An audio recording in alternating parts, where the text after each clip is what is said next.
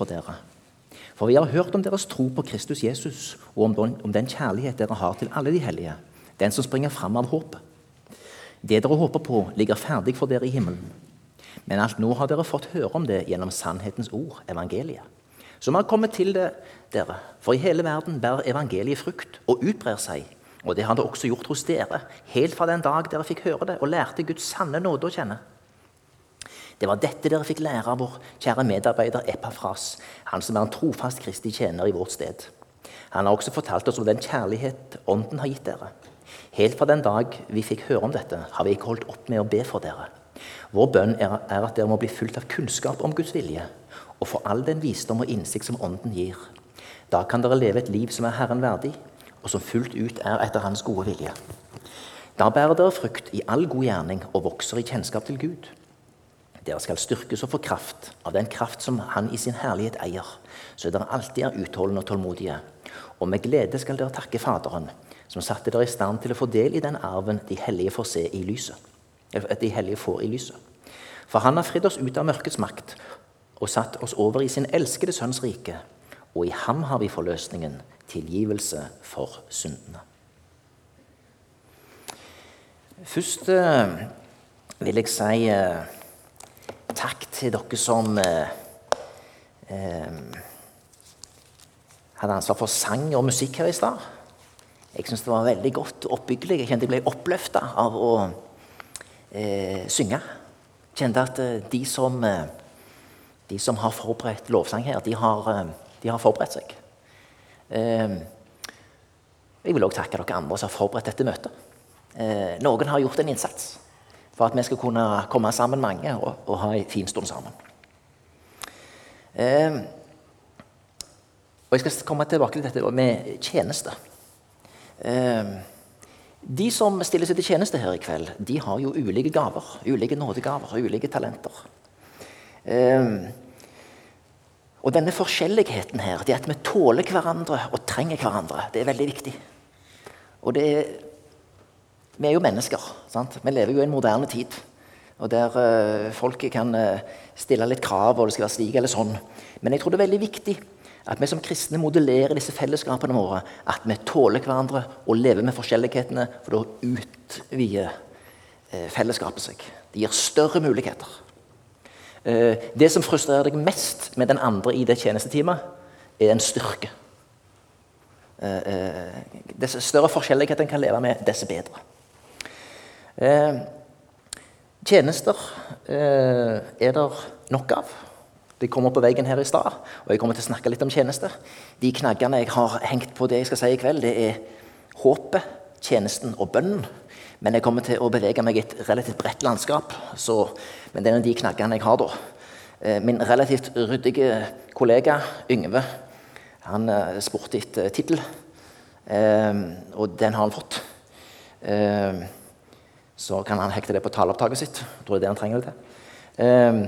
Det må jeg bare si samtidig. Eh, Yngve må takke deg. Eh, først må jeg takke deg for at du har latt meg preike her denne vinteren. Uh, Yngve har nå tatt et års, skal ta ett års studiepermisjon.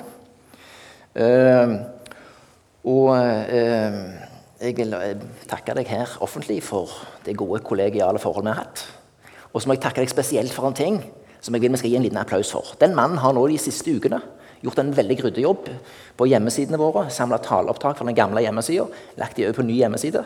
Yngves ambisjon er at vi nå skal ha over 500 taleopptak tilbake til 2005 liggende på hjemmesida vår ganske snart. Og det, Da er vi visst blant menigheter da, rimelig i topp i Norge. Gi en liten klapp til Yngve for den der.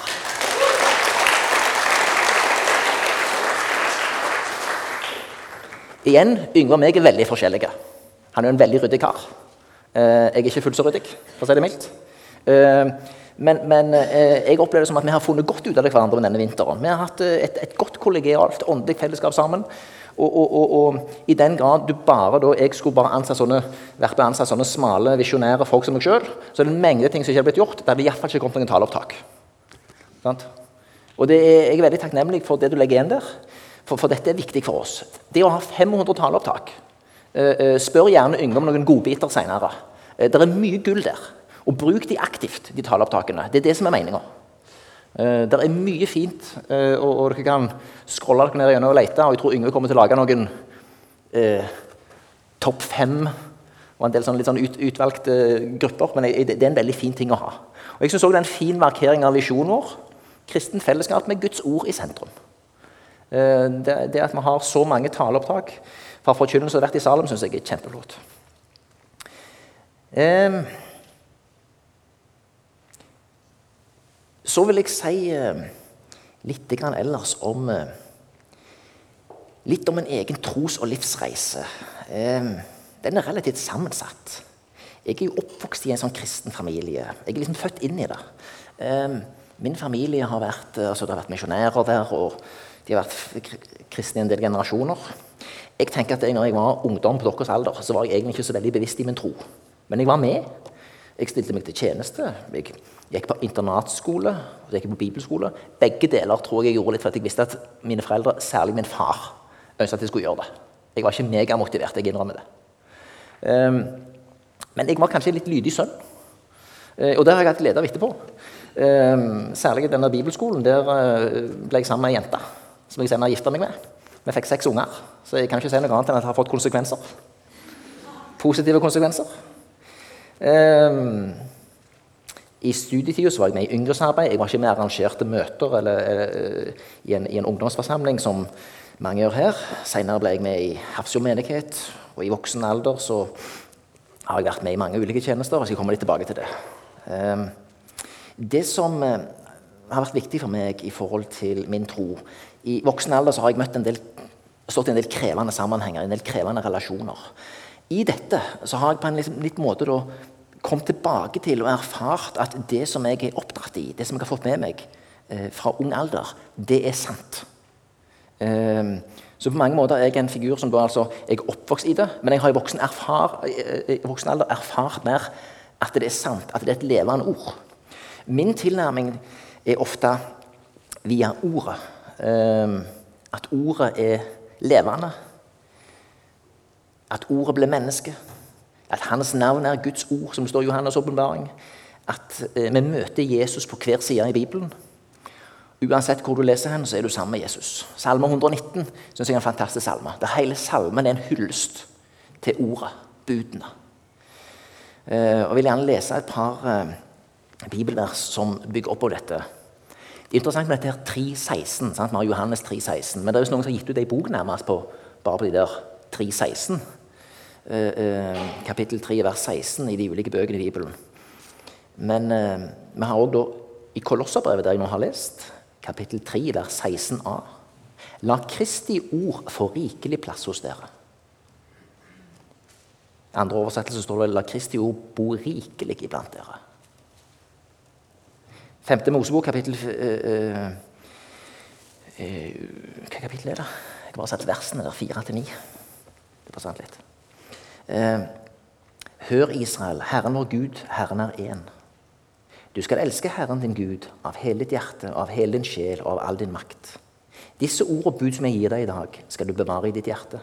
Du skal gjenta dem for dine barn og tale om dem når du sitter hjemme, og når du går på veien, når du legger deg og når du står opp. Bind den på hånden som et merke og ha den på pannen som en minneseddel.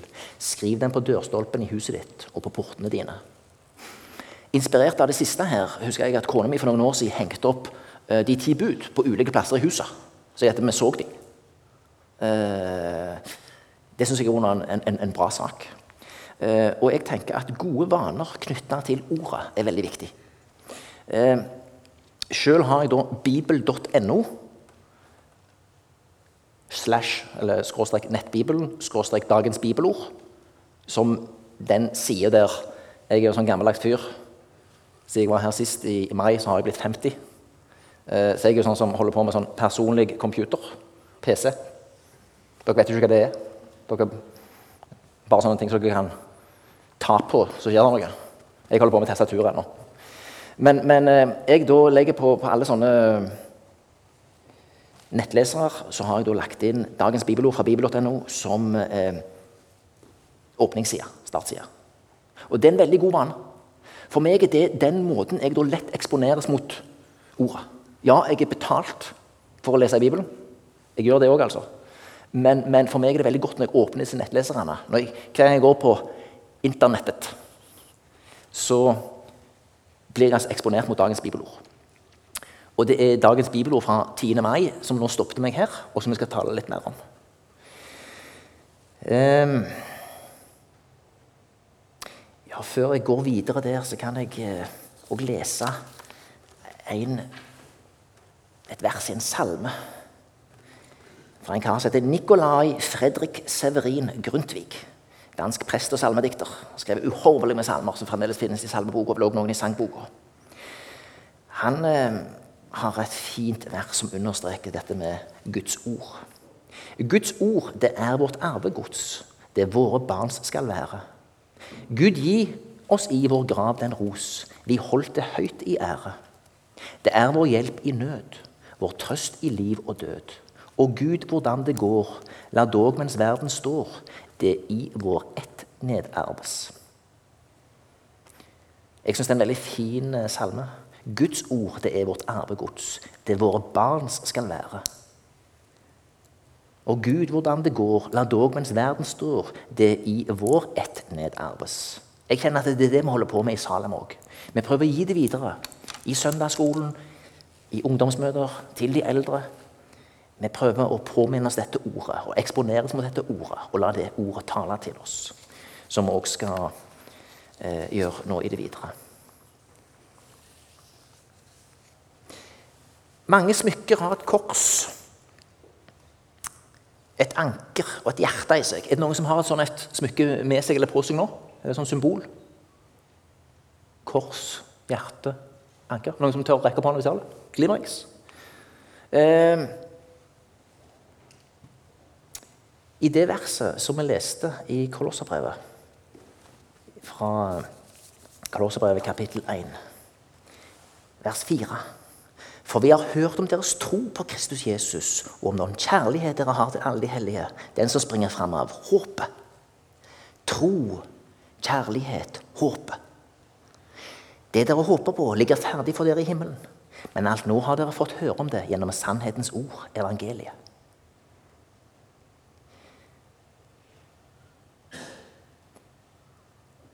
Det dere håper på, ligger ferdig for dere i himmelen. Tenk det, Håpet vårt er lagt ferdig for oss i himmelen. Jeg kjenner Det er viktig å ha håp. Det er håpløshet som driver folk inn i det destruktive. Det er når du ikke har håp lenger. Det verste jeg hører de si i forhold til veldig mange sånne områder om uro, det er unge menn uten arbeid. Der kan veldig mye skje. Det er en skikkelig trykkoker. Unge menn uten arbeid. De har mye energi, og de trenger å bruke energien sin på noe. Og hvis det ikke er håp om jobb, om framtid, så tar disse kreftene destruktive veier. Eh, derfor er det viktig å ha studier, derfor er det viktig å ha meningsfulle aktiviteter. Eh, tjenester. Eh, gjerne en jobb. Men vi er inne i krevende tider. Det er ikke alle som kan regne med lenger av yngre generasjoner i mange land å få seg en fast stilling, som vi nå har hatt i noen generasjoner. Vi kommer fra et bondesamfunn der alle måtte greie seg litt sjøl, til at folk kunne få seg fast stilling. Og Senere har det blitt en mer sånn akkurat hva type stilling er det jeg vil ha, og hva jeg passer til. Typisk For noen år siden var det mye sånn, noe, noe, med media og sånn. Nå tror jeg flere er tilbake til ja, jeg må sørge for å få meg et yrke der jeg og er nokså sikker på at jeg får meg en jobb. Dette pendler jo litt. Men håp knytta til arbeid, knytta til ei framtid, det, det, har vært nokså viktig. Det er ikke uten grunn at uh, Arbeiderpartiet i de mange land har vært et stort parti. Sikra arbeiderne både arbeid og rettigheter. Og Det er veldig viktig. Det er en veldig grunnleggende faktor i de fleste mennesker sitt liv. Ellers er det jo ikke alle håp i livet som vi får oppfylt. Men det er jo sett mye energi i det. Jeg regner med at du òg har noen sånne erfaringer som jeg har. som er sånn, Jeg håpte på et eller annet. Jeg jobbet hardt for det. Det slo ikke helt til. Men det åpna seg en ny dør. Men det håpet ga deg energi en god stund. Eh, derfor er sånne håp viktige. Og Derfor er håp veldig viktig i, i, det vi snakker om her, i forhold til troen. Håp er en, veldig, er en viktig drivkraft i mange ting. Så er det ikke minst da, det håpet som vi snakker om her. Vi har altså et evig håp. Et håp om å være sammen med Gud, både i denne tiden og i den evige eh, tilværelse. Vårt håp er altså knytta til både at vi her og nå kan være sammen med kristne medsøsken, vi kan være sammen med Jesus, vi kan ha fellesskap i Den hellige ånd. Vi kan altså da sprenge grenser, skape noe. Og vi har et håp for evigheten, et håp som strekker seg utover hvordan dette livet blir. Hebreabrevet kapittel 6, vers 19 og 20. Dette håpet er et trygt og fast anker for vår sjel. Det når gjennom forhenget, inn i helligdommen, dit Jesus gikk inn og åpnet veien for oss. Han som har blitt øverste prest til evig tid, på Melkisedeks vis. Hebreerbrevet kapittel 11, vers 1. Troen er sikkerhet for det som håpes, visshet om ting en ikke ser. Jeg unner alle å få en tro som er slik at det er en visshet for et håp. En får en trygg tro der håpet er altså dette her ankeret. Det er dette ankeret som har fått et trygt fundament. For det har satt seg fast i Jesus Kristus sin fullendte frelsesgjerning, og der hviler du. Vi hadde en uh, sang som vi innleda med her. Jeg har jo den i sangboka her.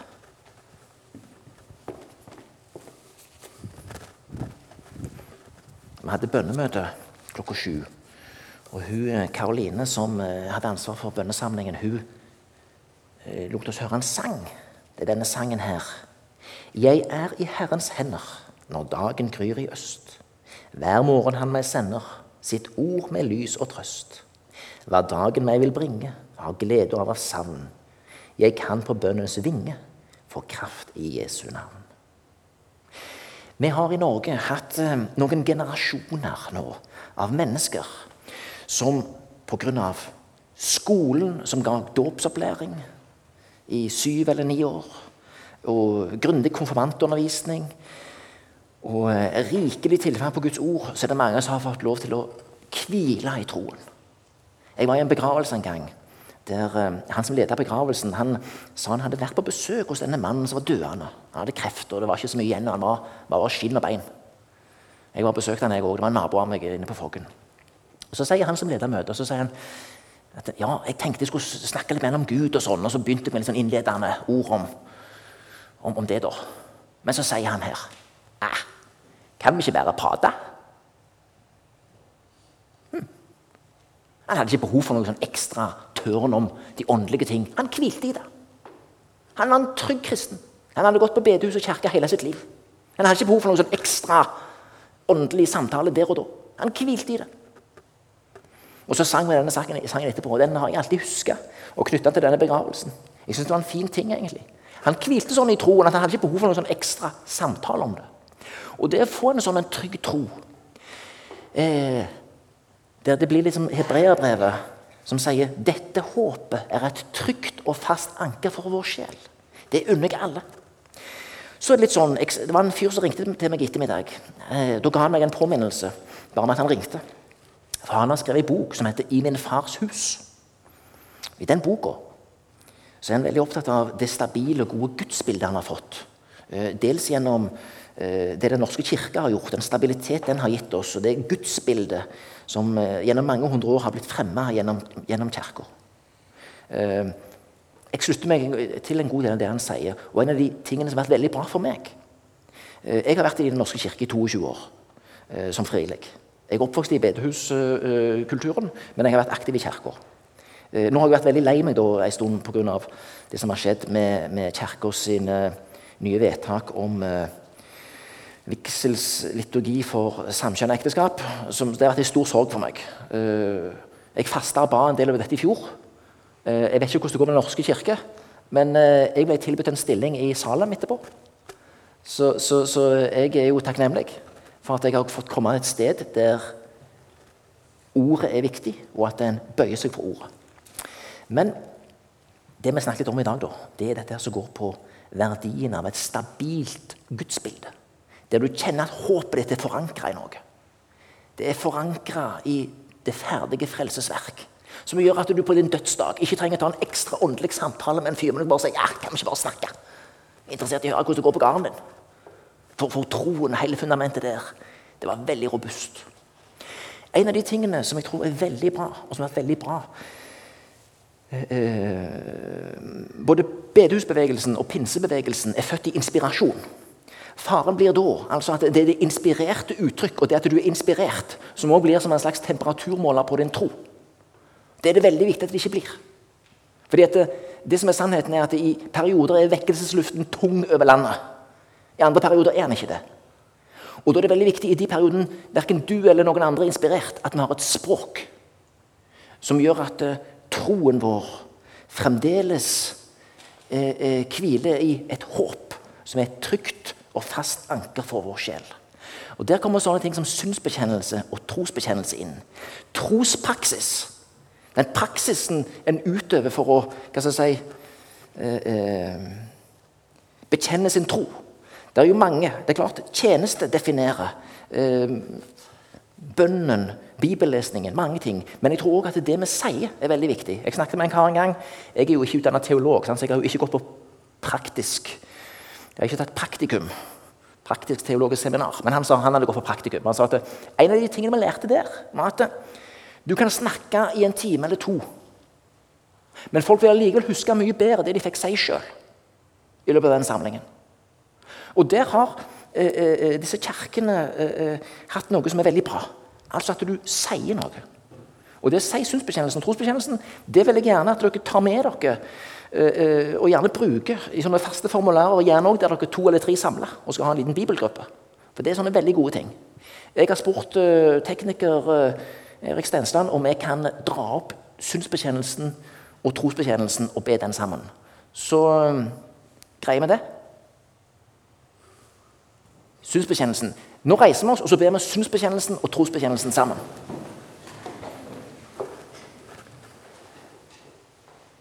Hellige Gud, himmelske Far, se i nåde til meg, syndige menneske, som har krenket deg med tanker, ord og gjerninger og kjenner lysten til det onde i mitt hjerte.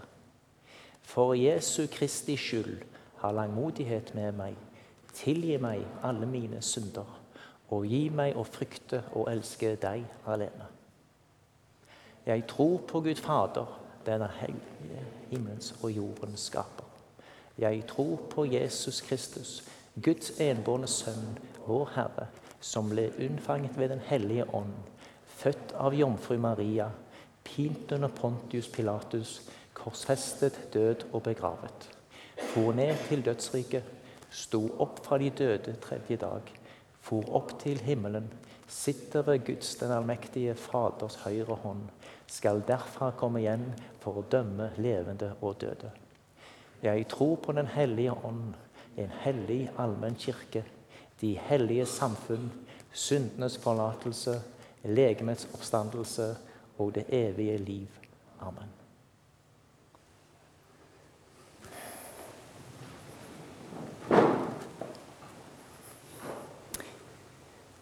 Så er det da mange som har meint, sikkert også med rette, at det kan bli noe litt sånn ah, Det blir jo bare ritualer. Og det er sant. Eh, Kina-misjonsforbundet og flere bevegelser er født litt i, si, i en vekkelsestid der de så da klart at veldig mye av det som var i kirka, hadde stivna. Det hadde bare blitt ordene igjen. Ordene gjelder. Men når du ser på trospraksisen allikevel til de som uh, hadde ansvar for å si disse ordene, så var det ikke alltid at det hang sammen. Disse lederne i kirka og prestene så hang sammen med det de sa. Men allikevel er det sant, det som blir sagt. For disse synsbekjennelsene og trosbekjennelsene er, ja, de er 1600 år gamle. De er svært gamle og svært slitesterke. Eh, så, så, det som er greia, er at på ene sida er det viktig å kunne holde fast på noe av det gamle som var bra. Og så bygger du, tar med deg det nye. Og for all del, ikke la eh, faste ritualer bli det som bærer det. Vi har tillit til at Gud taler til oss gjennom bønn, gjennom ordet, gjennom fellesskapet, i nattverden. Og at vi bygger det på det. Men det å ha noen faste punkt gjør at i de perioder du ikke kjente deg så veldig inspirert, så er det veldig viktig i vår tid, som fort blir litt sånn følete og subjektiv, at du ikke lar din subjektive erfaring av hvordan du, hvordan du er nå, prege for mye av hva du tror Gud syns om deg. Det er veldig viktig at du kan ta til deg det som står, disse ordene. Du får bekjenne synd, og du får øh, øh, øh, bekjenne troen. Og det er noe som bærer. Du bærer uansett ingenting. Du har uansett fått det. Du har fått det i dåpen. Den hellige ånd har skapt noe i deg. Og du får forhåpentligvis leve i det hele livet. Men i perioder så er vi jo litt der. Og så kan vi være der. Men det må ikke være slik at du bare kommer på Salomon når du er der. Og liksom gjemmer deg når du er der. Sannheten er altså at ditt forhold til Gud er stabilt, for det hviler ikke i deg. Det hviler i et fullbakt frelsesverk. Og det minner vi på oss på når vi leser slike faste bønner. Håpet et trygt og fast anker for vår sjel. Videre i det som jeg leste i Kolosserbrevet, så eh, vil jeg ta med noen momenter. Sannhetens ord, evangeliet, leste vi i vers 5. Hva er dette sannhetens ord? Jeg bare lese et vers fra Jesaja 9, det er vers 2. Det er folk som satt i mørket, har sett et stort lys. Over dem som bor i dødens land og skygge, har lyset gått opp. Vi er satt i et mørke. Der kom misjonærer til Norge for 1000 år siden. Og eh, Gjennom vikingene sine aktiviteter så kom de i kontakt med, med nye grupperinger som kom til landet, påvirka disse kongene, som gjorde at eh, relativt fort så, ble, eh, så vendte de om til hvite krist. De vendte om til Kristus. Vi har i tusen år fått ha dette lyset. Det kom til oss. Vi var et folk i mørket. Veldig mange folk har vært i mørket. Lyset kom til oss tusen år etter at Jesus kom til jord.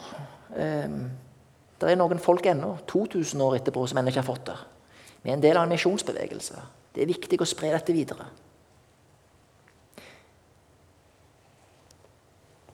Vers 6, fra slutten av vers 6. Dere fikk høre det og lærte Guds sanne nåde å kjenne. Mange av dere som er her, har antagelig fått høre budskapet om Guds sanne nåde. og Lært den å kjenne fra dere var små. Og det er en stor ting. Dere skal være takknemlige for det. Ikke se på det som en, kun en sosial arv. Ikke vær lei dere for at dere ikke har en eller annen kick-opplevelse som 'da ble jeg kristen'. Dere har blitt båren til dåpen. Ehm, jeg er jo veldig for barnedåp. Jeg er i en luthersk sammenheng her. Jeg er veldig trygg på barnedåpen. Ehm, det var fire karer som bar en venn til Jesus. Han kunne ikke komme til Jesus av seg sjøl. Han ble båren til Jesus, og Jesus kunne se ham og helbrede ham. Eh, Likeså blir barn båret til Kristus. De blir døypt, og de blir tatt opp i, i den kristne kirke. Eh, døpe dem og lære dem. Det kristne hjemmet har forutsetninger for å lære de døpte små barn at de hører til Kristus, og de er døpt til den troen fra de var små. Akkurat som et lite guttebarn i jødeland, eller i, i, i de jødiske områder og kulturer ikke bestemmer sjøl om det vil bli omskåren den åttende dag, eh, så er det likevel en jøde. Og Sånn er mange av dere blitt født inn i den kristne tro. Og så er det en del av dere som i voksen alder har fått lære Guds sanne nåde å kjenne. Og det er et stort under. For ikke mange finner troen i vår kultur, som er veldig mett og er seg sjøl nok. Jeg er jo såpass gammel at jeg ennå ikke har smartphone. sant? Eh, så jeg er av de som ikke lukker meg inn i meg sjøl på båten eller bussen og som bare er meg sjøl nok med øreproppene på. Dere er jo der. sant? For meg er dette da Jeg står bare og ser på dere. Jeg betrakter dere som en sosialantropolog. Og så tenker jeg hmm, dette er bare nok en omdreining på dette at folk er seg sjøl nok. Nå kan jeg ikke ta kontakt med folk på bussen en gang og nikke og ha en sånn halvflau drøs med dem på bussholdeplassen de folk. Hva er du vil? Så Nok en sånn sosial omdreining. Eh, jeg vet ikke om det er rett. Det er sikkert litt urettferdig. Men, men greia er da at eh, eh,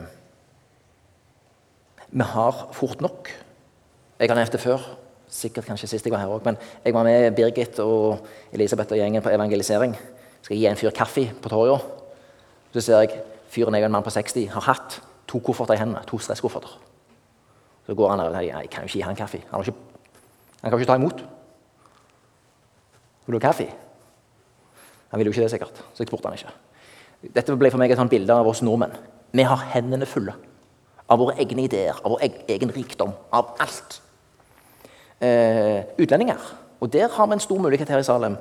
Eh, siden vi har en internasjonal forsamling og, og, og eh, eh et stort arbeid der. Og utlendinger opplever jeg er mye mer åpne. Rumenere, italienere, andre. Du kan lettere komme i kontakt med dem. Nordmenn har ofte nok. Det er bare en liten delanalyse. Men uansett, vi har fått høre og lært Guds sanne nåde å kjenne.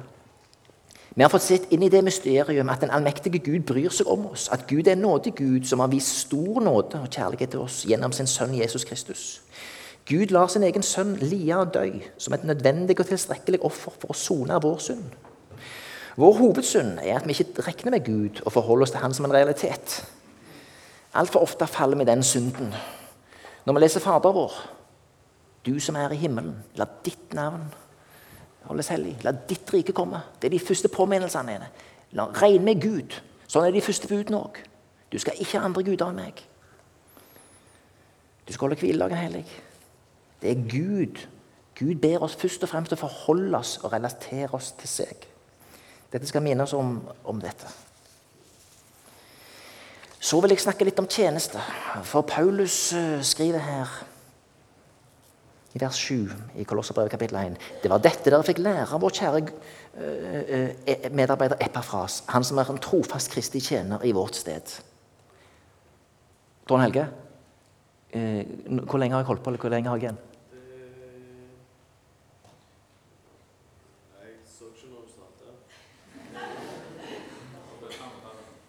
Har du på 35 minutter nå?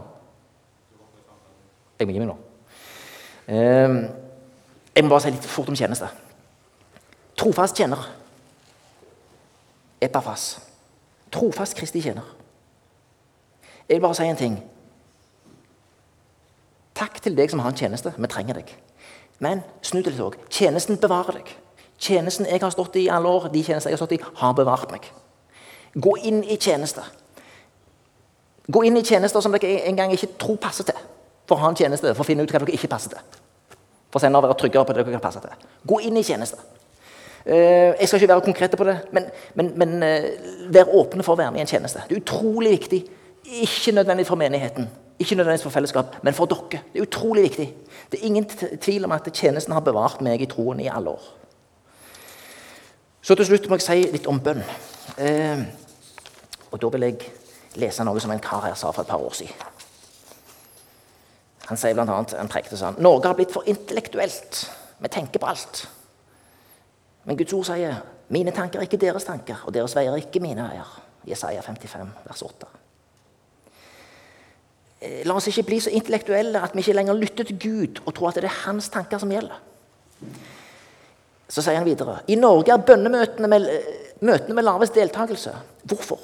Fordi kristne tenker at vi er ok, vi er frelst. Men la meg si deg noe. Når menigheten forstår at vi er i en krig, vil du forstå at bønnemøtene er de viktigste møtene. Gud sa ikke 'mitt hus er et prekens hus', eller 'mitt hus er vitnesbyrdets hus', eller 'konsertens hus', eller 'sangens hus'.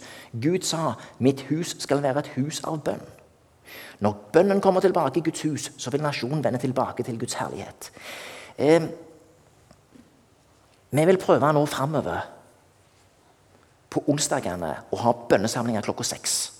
Jeg vil utfordre noen av dere til å være med og lede litt i det arbeidet. Eh, nå har jeg ikke fått hekta det opp ennå. Det kan hende det bare blir en anonym gjeng som samles klokka seks nå på onsdag. Men jeg bare sier det, det kommer til å bli bønnesamling onsdag klokka seks. Den 14. juni, nå på onsdag. Den 21. juni, den 28. juni. Og så vil vi begynne med dette fra midten av august som fast.